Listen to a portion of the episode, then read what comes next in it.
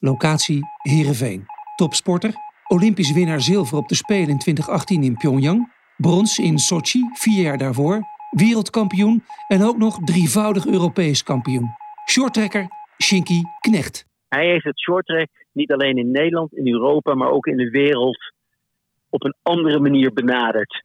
Uh, hij en, en, en Aan, dat waren twee mannen die echt die sport naar een ander niveau hebben getild, waar heel veel atleten zich gespiegeld hebben.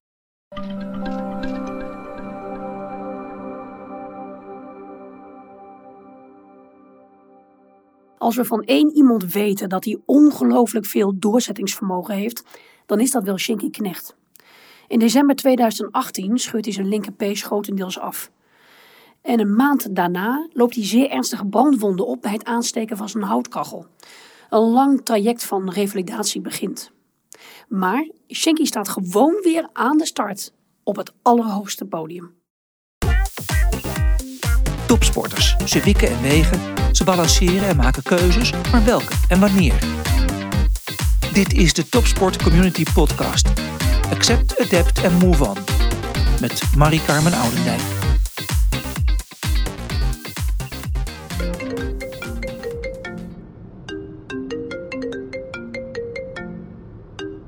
Ah, Pieter. Hey Marie, hoi. Ja, onderweg nu. Een klein beetje eh, de provincie in. Want ik ga naar Tialf, Heerenveen. Uh, voor onze Shinky Knecht. Ja, hele bijzondere, een authentieke sportman. Uh, altijd ook jarenlang een mooie combi ook geweest met uh, Jeroen Otter, ook een bekende van de Topsport community. ik ben heel erg benieuwd naar zijn naar zijn verhaal, maar ook, ook de dynamiek met, met Jeroen Otter. Ik heb wel eens meegemaakt dat journalisten uh, beter konden opschrijven wat ik heb verwoord. En dat idee heb ik ook wel eens met uh, Shinky Knecht en Jeroen Otter. Dus de wat ingetogener Shinky en, en, en Jeroen Otter die dat heel goed kan vertalen. En ook, ook zijn prestaties op het ijs ook goed kan vertalen. En ik ben benieuwd naar die dynamiek en wat, wat de heren te melden hebben. Oh, dit is al spannend voor mij, Pieter. Maar ik heb er, ik heb er ook zin in. Uh, ik ga aan de slag en uh, je hoort snel van mij. Ja, dankjewel. Joe. Doei. Hoi.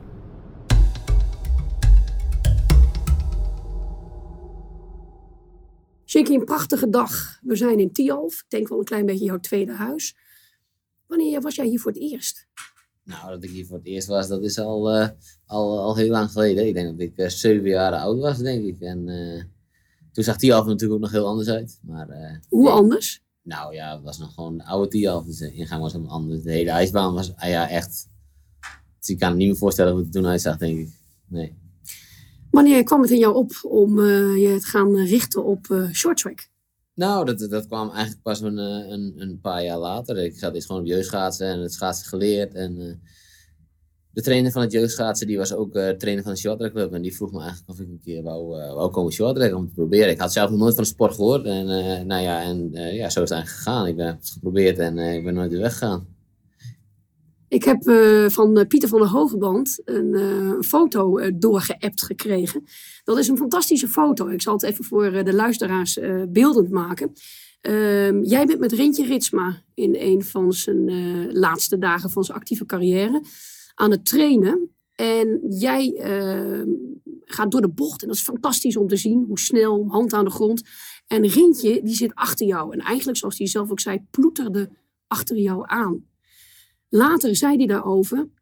Ja, het is ook eigenlijk voor een schaatser niet te doen om over te stappen naar shorttrack. Maar omgekeerd wel. Ben je het daarmee eens? Uh, daar ben ik het wel, daar denk ik wel mee eens. Ja. Want het is natuurlijk voor een lange baanschaatser is, is gewend aan, aan de ruime bocht en, en aan het materiaal die daarop afgestemd is. En, en ja, wij zijn gewend aan het korte bochtje en het materiaal dat daarop afgestemd is, is zoveel extremer dat je wel makkelijk naar, het, naar, de, naar, de, nou ja, naar de grote bocht met minder extreem materiaal kunt overstappen dan dat het andersom is. Ik denk dat het grote verschil is. Kun je misschien ook zeggen dat um, lange baanschaatsen eigenlijk een traditionele sport is en dat het shorttrack dan gewoon creatiever, innovatiever is? Uh, nou ja, ik denk in sommige zinnen, zinnen natuurlijk wel, ja. De shorttrack is natuurlijk ook al een, een, een, ja, een, sport die al een tijd bestaat. En in principe, ja, er zijn natuurlijk wel innovatieve dingen. Maar wij schaatsen nog altijd op vaste schaats. Terwijl de lange baan natuurlijk wel in, in zijn tijd uh, met de klapschaats is gekomen. Waar ze op dat moment natuurlijk ook ontzettend innovatief waren. Maar uh, ja, wij proberen wel altijd nieuwe dingetjes. En uh, om zo ja, vooruitgang te boeken. Even nog teruggrijpend op jouw jeugd. Ehm, hoe hebben jouw ouders jij, jou gestimuleerd in het shorttrack schaatsen? Nou, die hebben me eigenlijk gewoon gelaten. En ja, uiteindelijk helemaal niet gepusht. En ik denk ook dat dat juist, juist goed is. Want als je, je ziet, ik zie heel veel, uh, onderhand heel veel kinderen komen. En sommigen gaan ook heel snel weg. Want ja, die worden dan op, op jonge leeftijd al zo erg naar de training uh, ja, gepusht. En dat het allemaal maar moet, moet, moet. Maar ik denk juist dat het niet moet. En uh, dat, uh, dat een, een, kind dat een jaar of 15, 16 gewoon zelf moet kunnen beslissen wat, wat ze leuk vinden.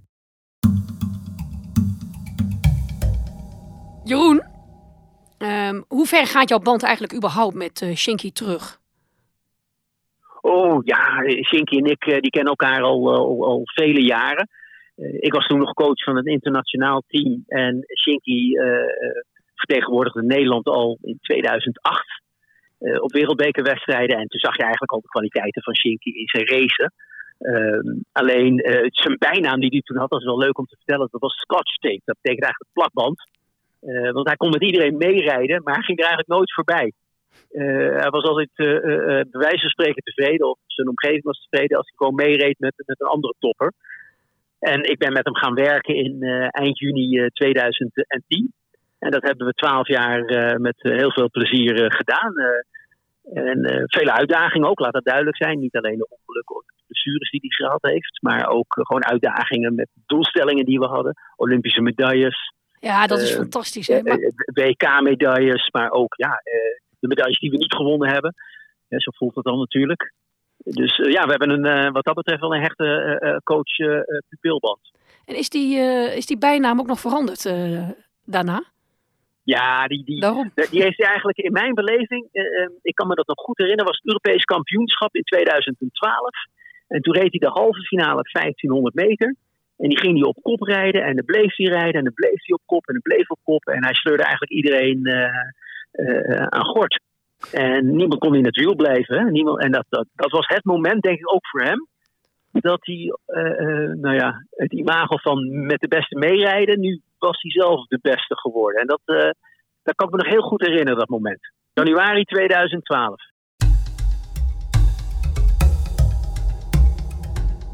Wat natuurlijk algemeen van jou bekend is, is jouw doorzettingsvermogen, jouw kracht. Heb je dat wellicht ook van jouw vader of van je moeder? Nou, dat, ja, ik niet. Het zijn waarschijnlijk ook wel doorzetters. Maar ja, het zijn allebei, allebei geen, uh, geen topsporters. En ik denk dat doorzetten in topsport is wel echt even een tikkeltje anders dan het doorzetten in het, uh, in het maatschappelijk leven. Dat is echt verschillend van elkaar, denk je? Dat denk ik wel, ja. ja. Waarom? Ik, ik, denk als je in het, in het topsport niet echt een, een, een volledige doorzetter bent, dat je jezelf alleen maar benadeelt en juist uh, ja, ook niet presteert. En ik denk ja, in het dagelijks leven hoef je niet natuurlijk continu te presteren. En dat is natuurlijk met sport, topsport wel zo. Als je, ik zei het net al, als je aan jou denkt, volgens mij iedereen, dan denk je aan iemand die een ongelooflijk doorzettingsvermogen heeft. En dan uh, refereer ik ook even aan uh, eind 2018, uh, begin 2019. Hè? Het ongeluk met de uh, heftruck. Ja. Maar ook het ongeluk met de houtkachel. Um, heeft jou dat, Shinky, als mens veranderd? Nou, misschien niet, meteen, niet meteen voor de meeste mensen waarschijnlijk. Maar ik, denk, ik merk het zelf wel hoor. Ik ben wel voorzichtiger niet tijdens schaatsen, maar in, in andere dingen, met, tijdens training op fiets of zoiets. En dan ja, dan, dan zeg ik wel eerder tegen ploeggenoten van uh, pas op en dat soort dingen. En ja, ik zal natuurlijk, mijn huid is natuurlijk nog altijd teer. En ja, als ik dan met, met, met 80 km per uur van een berg af fiets, als we op trainingskamp zijn, ja, dan, en ik val, dan, dan weet ik dat ik verder van huis ben. Dus ik, dat, dat soort mensen, momenten ben ik wel veel voorzichtiger als, als voor het. We hebben natuurlijk allemaal met ver, verbazing eigenlijk gekeken naar jouw revalidatieproces jouw artsen hebben ook wel gezegd, uh, je hebt een ja, fysieke revalidatie, maar ook een mentale revalidatie. Als ik nou focus op die fysieke revalidatie, uh, wat zijn jouw krachten daarin geweest? Ja, dat ik denk ik vanaf dag één af wel gewoon echt positief erin heb gestaan. En dat ik eh, ja, maar één doel voor ogen had en dat was terugkeren op het ijs en terugkeren op niveau. En uh, ja, in zekere zin is dat wel, uh, wel gelukt natuurlijk. En ik heb altijd daar, daar naartoe gestreefd en alles eraan gedaan om ja, zo snel mogelijk weer terug te komen op het ijs. En ja, sommige dingen gingen natuurlijk heel snel en soms ging het even heel langzaam. Maar ja, ik denk wel dat ik daar op dat moment alles eruit gehaald heb. Kun je even een luikje in je, in je hersenen open doen, zodat wij naar binnen kunnen kijken van, ja, dat is je gelukt, maar hoe doe je dat? Ja, door elke ochtend weer wakker te worden en, en te bedenken wat wel mogelijk is en wat niet mogelijk is. Natuurlijk, in het, in het begin moest ik echt uh, het lichaam aanvoelen wat op dat moment wel kon en, uh, en wat op dat moment niet kon. Hè. De ene dag kon je heel veel en de andere dag kon je bijvoorbeeld helemaal, helemaal niets. En ja, dat was sommige momenten heel lastig, maar ja, soms is luisteren naar je lichaam het, het allerbeste wat er is. En moet je daarin soms ook dingen loslaten of een andere overlaten of juist de regie nemen over bepaalde processen? Nou ja, ik heb heel, heel graag de touwtjes in handen. Dus uh, dat, uh, dat heb ik eigenlijk ook wel gewoon continu gedaan in een revalidatietijd. maar ja, soms moet je ook gewoon echt ja, ja, jezelf overgeven. Zoals de eerste acht weken heb ik me totaal overgegeven aan, aan het personeel in het ziekenhuis. En dat hebben ze natuurlijk fantastisch gedaan. Want ja, daar heb je geen controle. Nee. En dan even dat mentale aspect. Uh, men zegt, daar heb je ook een soort revalidatie voor nodig. Hoe kijk jij daar tegenaan? Ja, ik denk dat het heel, uh, heel verschillend is per persoon. Hè. De een uh, die, die, die trekt er heel zwaar aan en die, die, ja, die, die, die komt misschien mentaal wel met zichzelf in de knoei.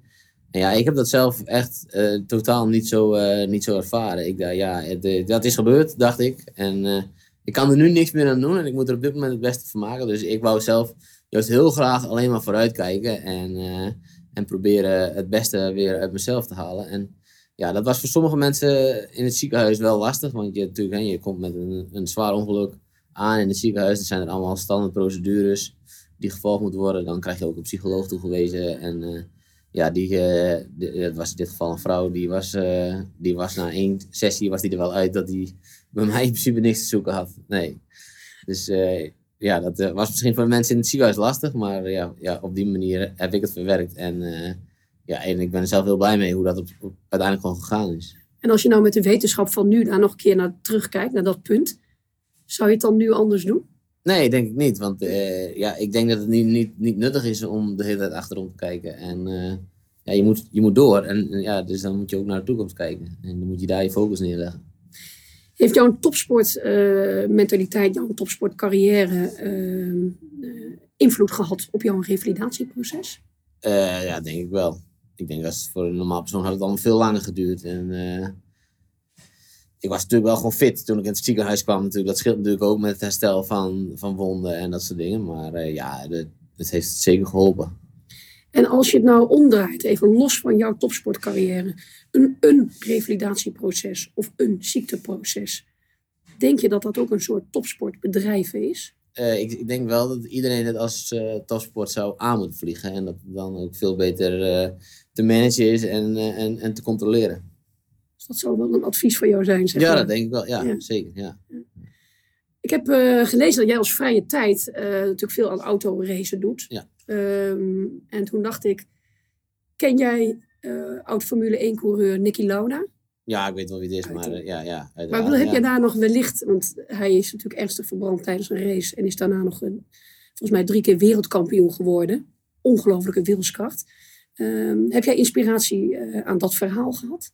Nou, in, in zekere zin op dat moment niet. Maar later dacht ik wel van ja, het is natuurlijk wel een soort van vergelijkbaar iets. Maar ja, op, op, op het moment dat ik in het ziekenhuis lag en op het moment dat ik verbrand was, ja, had ik maar één. Was ik eigenlijk alleen maar met mezelf bezig. Ik wou gewoon weer, weer, weer terugkeren van waar ik vandaan kwam. En daar was ik eigenlijk alleen maar mee bezig. Ik was helemaal niet bezig met randzaken en, en alles wat er omheen uh, wellicht mee te maken kon hebben. Heel erg gefocust dus. Ja, ja, ja eigenlijk, eigenlijk, eigenlijk maar gefocust op één ding. Ik denk dat hij altijd wel geloof in zichzelf gehad heeft. Zo'n mannetje is hij wel. Uh, maar dat hij ook heel goed is, heeft begrepen van wat hij moet doen om die top te behalen. En welke steun hij daarbij behoeft. En uh, dat weet je natuurlijk als jonge atleet ben je daar nog zoekende naar. En dat heeft hij heel goed in die jaren dat hij, dat hij in dat team bij mij zat, heeft hij dat kunnen, kunnen vormen. Het is dan niet een echte prater dat hij, dat hij daar heel veel in benoemt. Maar uiteindelijk met de weinige woorden kon hij dat toch wel heel goed aangeven. Wat hij als atleet, specifiek Shinky als atleet, nodig had om 1500 naar zich toe te trekken. Om een allround toernooi naar zich toe te trekken. Om uh, dus, nou ja, het aantal relays die hij voor Nederland uh, winnend heeft afgesloten. Zeker tot aan dat ongeluk, ja, die, die, ik wil niet zeggen ontelbaar, maar dat zijn er vele geweest. Hoe hij de mensen om zich heen perfect heeft kunnen gebruiken om, om hen beter te maken, maar ook om zelf beter te worden. En dat, ja, dat is een proces wat hij, wat hij jaren, jaren heeft, heeft ja, doorgaan en, en uiteindelijk geleid heeft tot de topper die hij is. Jeroen Otter, de voormalige bondscoach, die heeft op een gegeven moment gezegd: Nou, het is een behoorlijke weg natuurlijk voor Shinky.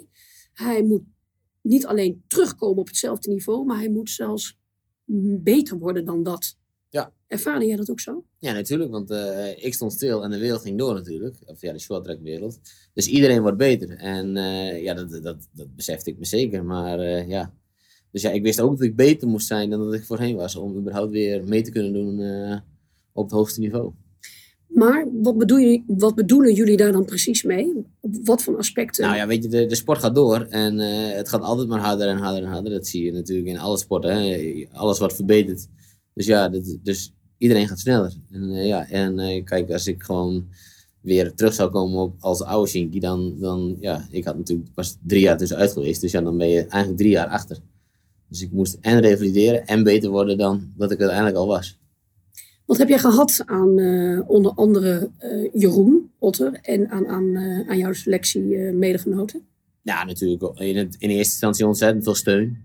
En ja, op het moment dat het weer op trainen aankomt, dan is Jeroen natuurlijk een, eh, een kei in, eh, in het, schrijven van schema's en, en om mensen weer fit te krijgen. En ja, ik denk dat hij dat ook gewoon op dat moment ook weer heel goed gedaan heeft. Maar natuurlijk ook met de hulp van de fysio's en, en andere begeleiders. die hebben me allemaal ontzettend goed gesteund en geholpen waar nodig was. Kun je daar voorbeelden van doen?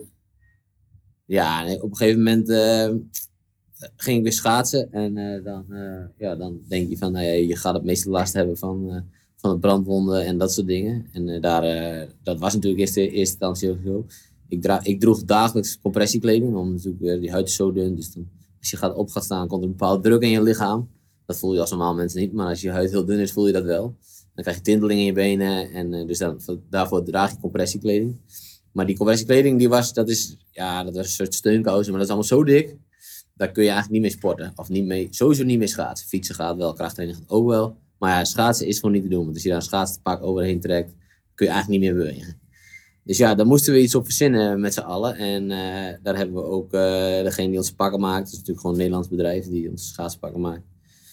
Die heb ik ook uh, opgebeld en ik zei, natuurlijk zit een bepaalde stretch in, in die stof. En ja, aan de hand daarvan hebben we geprobeerd het, de compressiebroeken die ze in het ziekenhuis maakten voor me, om die zeg maar ja, een beetje zo in het schaatspak te verwerken dat ik, dat ik niet die compressiekleding aan had, maar als ik het schaatspak aan had, wel eigenlijk wel gewoon compressiekleding droeg.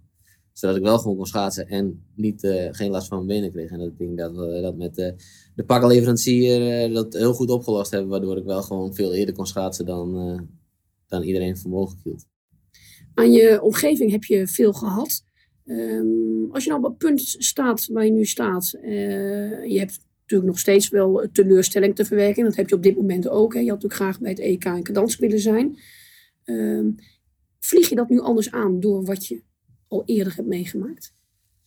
Nou, ja, tuurlijk vlieg je het wel een beetje anders aan. Maar dat ik nu uh, zeg maar het EK gemist heb, ja, dat, is, uh, dat is ook gewoon een samenloop van omstandigheden. Dat heeft denk ik niks te maken met, uh, met hoe goed ik op dit moment schaats. Maar ja, de laatste twee wereldbekerwedstrijden in Kazachstan viel ik hard. En ja, ik raakte geblesseerd aan mijn rug. Ik heb wel geprobeerd te schaatsen, maar elke keer probeerde was het eigenlijk gewoon een kansloze missie. Dus ja, dan, ja, dan is dat jammer. En uh, het NK was er om, om je te plaatsen voor, uh, voor het EK. En ja, ik heb wel deelgenomen aan het NK, maar dat had ik achteraf misschien beter niet moeten doen. Maar ja, dan, dan, dan wil je het toch gewoon graag proberen. En ja, ik had daar gewoon even een stapje terug moeten nemen. En dat heb ik op, na de NK heb ik ook voor mezelf wel besloten van, ja, ik denk, dit, dit was niet de manier. En, eh, en ja, dus eigen plan getrokken en eh, zo weer verder. Ja, dat is altijd een beetje wat we ook zeggen. de keuzes maken en, Ja. en achteraf misschien ook weer eh, terugkomen op keuzes die Ja, je maakt. ja. Ehm, dat is dit dus precies Mhm. een, eh, een, eh, voorbeeld van. Ja, ja, denk ik wel. Ja.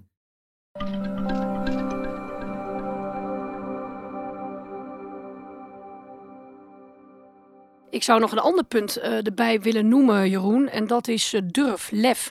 Want hij heeft de boel wel op scherp gezet hè, met zijn kritieken op eh, de huidige bondscoach. Heeft hij, wat jou betreft, dat goed gedaan? Heeft dat goed uitgepakt nu hij dit weekend ook gaat starten op het WK in Korea?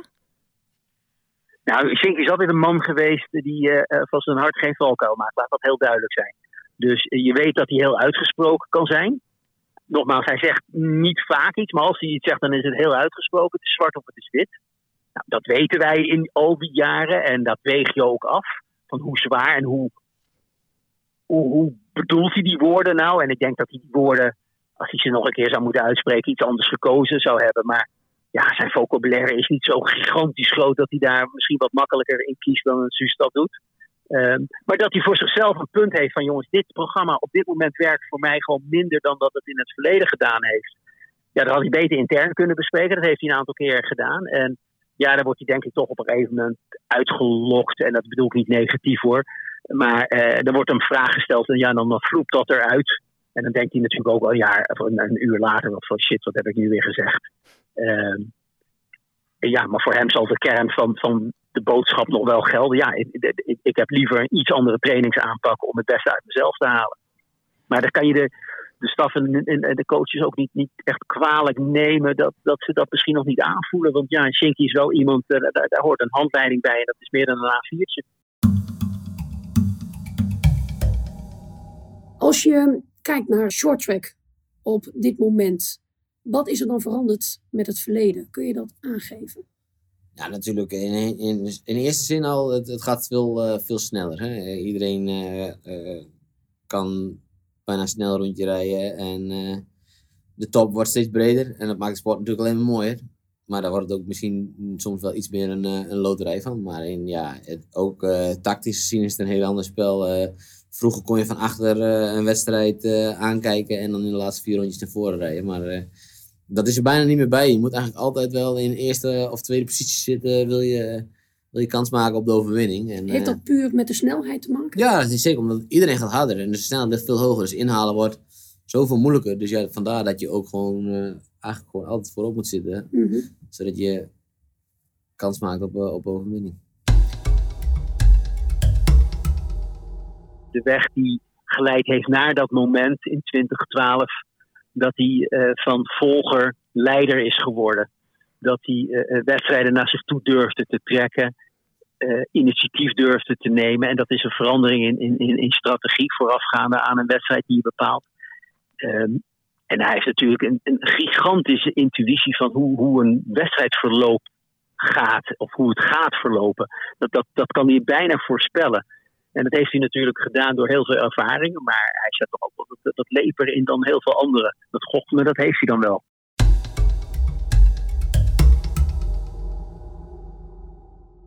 Als jij ehm, de jongere generatie eh, tips mocht meegeven, welke zouden dat dan volgens jou zijn? Nou, ik vind het sowieso wel heel belangrijk dat je ten alle tijde plezier moet hebben in, eh, in degene wat je doet. Hè. En, eh, voor, de, voor shorttrackers is dat natuurlijk dus plezier in het, eh, in het schaatsen. En, en voor andere sporten is dat natuurlijk de sport wat zij, wat zij beoefenen. Maar op een gegeven moment, als je op een gegeven moment met tegenzin naar je training gaat of ja, desnoods met tegenzin naar je werk, dan denk ik dat je niet op de juiste plek bent en dat je dan wat anders moet, moet gaan zoeken. Kijk, ik doe dit al, al heel lang. Ik weet niet eens hoe lang precies. Maar ik ga nog elke dag met plezier naar de training. Want eh, ja, ik vind het het, het het meest mooie wat er is als ik op het ijs eh, kan staan. Je bent nu, als ik het goed heb, 33. Ja. Ehm, hoe zie jij jouw toekomst eh, voor je? Wat staat er allemaal op de planning voor jou? Nou ja, zo, zo voor, zolang het nog gaat, blijf ik wel schaatsen. En, en dat, vind ik mooi. En, en ik haal er plezier uit. En ik denk ook dat zeker dat ik nog een toegevoegde waarde kan zijn voor de, voor de, Nederlandse, voor de Nederlandse ploeg. En dat, ja, ik wil sowieso nog wel drie jaar door tot de Spelen van, eh, van 2026 in Milaan. En ja, daarna dan denk ik wel dat het mooi geweest is. maar wat ik daar ga doen, ik heb echt nog helemaal geen idee. Ik leef nu nog in het, in het hier en nu. En ja, ik probeer nu nog meest, het beste uit mezelf te halen in de sport. En ja, wat daarna gaat komen, dat zie ik dan wel. Maar als je nog heel even ehm, naar ehm, de selectie nu kijkt, en, en, natuurlijk, en jij moet nog gaan. Wat, uh, ik ben al zo voor innovatie of voor verandering. Wat zouden jullie nog kunnen aanpassen om het allemaal nog beter en strakker te kunnen maken?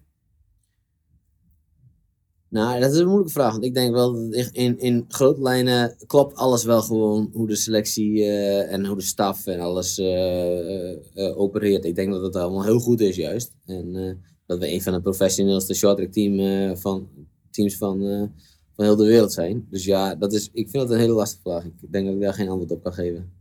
Nee, het is goed zoals het nu is ja, eigenlijk. Ja, ja, ja. Ik wil nog even terugkomen op jouw uh, voormalige bondscoach, Jeroen Otter. We hadden het net al over hem. Um, wat heeft hij voor jou betekend in jouw carrière? Nou, hij heeft natuurlijk een hele hoop betekend. op het moment dat Jeroen kwam, had ik nog nooit een wedstrijd gewonnen op internationaal niveau. Of überhaupt een medaille gewonnen. En het eerste jaar dat Jeroen, uh, Jeroen kwam, die heeft me wel in laten zien dat ik gewoon wel de capaciteit had om überhaupt wedstrijden te winnen of, of medailles te pakken. En ja, hij heeft me daar natuurlijk fysiek enorm in geholpen, maar hij heeft me ook mentaal zeker wel de goede weg op geholpen. Door, door me te laten geloven in, in, in het feit dat ik gewoon wedstrijden kan winnen. En ik denk dat hij daar, ja, daar, me daar echt heel veel in geholpen heeft.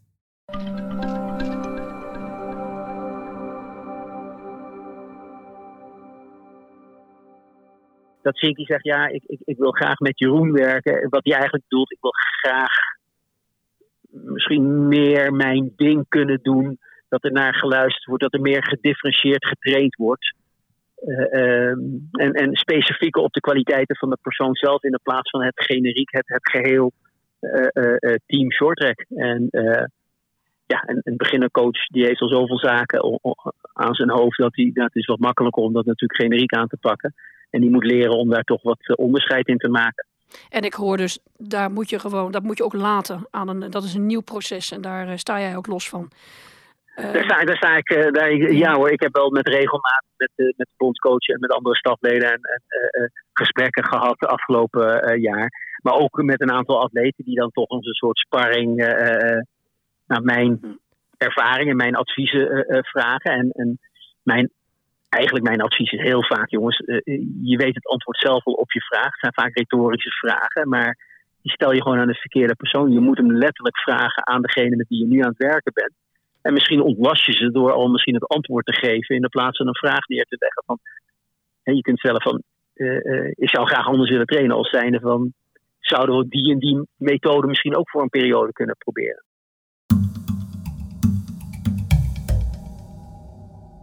Zou er nog uh, sprake kunnen zijn dat je nog een keer met hem gaat samenwerken? Uh, ja, dat zou ik wel het mooiste vinden. Ja, dat hij ja? gewoon wel, dat hij na dit jaar gewoon wel weer terugkomt. Uh, en dat ik gewoon weer. na zijn sabbatical. Ja, precies. Dat ik daarna gewoon weer met Jeroen aan de slag kan. Ja, dat zou je het liefst willen. Ja, ja zeker. Ja, ja. Dit was de Topsport Community Podcast.